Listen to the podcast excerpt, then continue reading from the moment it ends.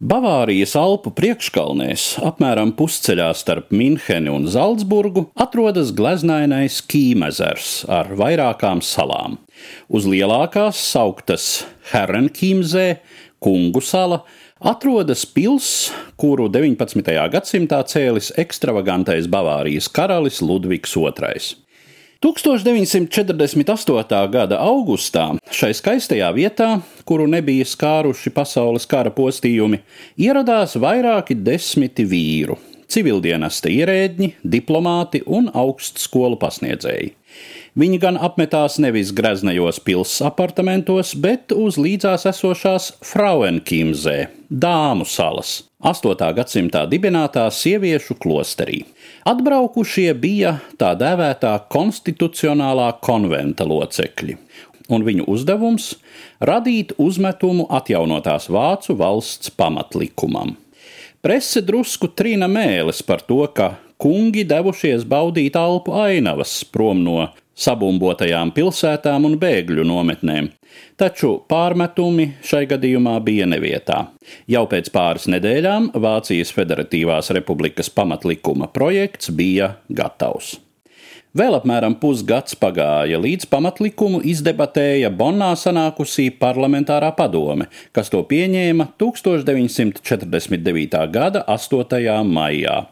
Un tad vēl atlika saņemt piekrišanu no Rietumvācijas okupāciju zonu saimniekiem - Lielbritānijas, Savienotajām valstīm un Francijas.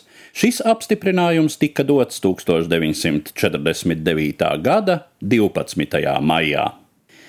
Pieņemtais tiesību akts tika uzsvērti dēvēts par Grundgesetz, pamatlikumu, nevis Verfassung satversmi. Tika uzsvērts, ka gan likums, gan pati Vācijas Federatīvā republika ir pagaidu risinājums līdz brīdim, kad tā apvienosies ar padomju okupācijas zonā esošās Austrumvācijas zemēm. Kā zināms, šis pagaidu stāvoklis pastāvēja vairāk nekā 40 gadus. Pirmskara Vācijas Veimāras republikas konstitūciju reizēm dēvē par pašu izsvērtāko pamatlikumu pasaules demokrātiju vēsturē, kurā radīts ideāls līdzsvars starp varas atzariem - parlamentu, prezidentu un valdību. Un tomēr šī demokrātijas sistēma bija ļāvusi nākt pie varas Hitleram un nacistiem, tāpēc acīm redzama bija jaunā pamatlikuma autoru vēlme izskaust iepriekšējās konstitūcijas mehānismus, kurus Hitlers bija izmantojis varas sagrābšanai.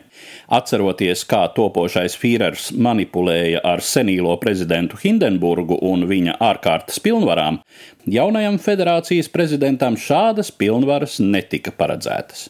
Viņa varas apjoms ir diezgan līdzīgs tam, kādu Latvijas prezidentam paredz mūsu valsts satversme. Arī federālā parlamenta, Bundestāga un valdības attiecības ir precizētas. Nozīmīgākais jaunievedums - konstruktīvās neusticības princips. Neusticību kancleram un ministru kabinetam var izteikt tikai apstiprinot jaunu kabinetu.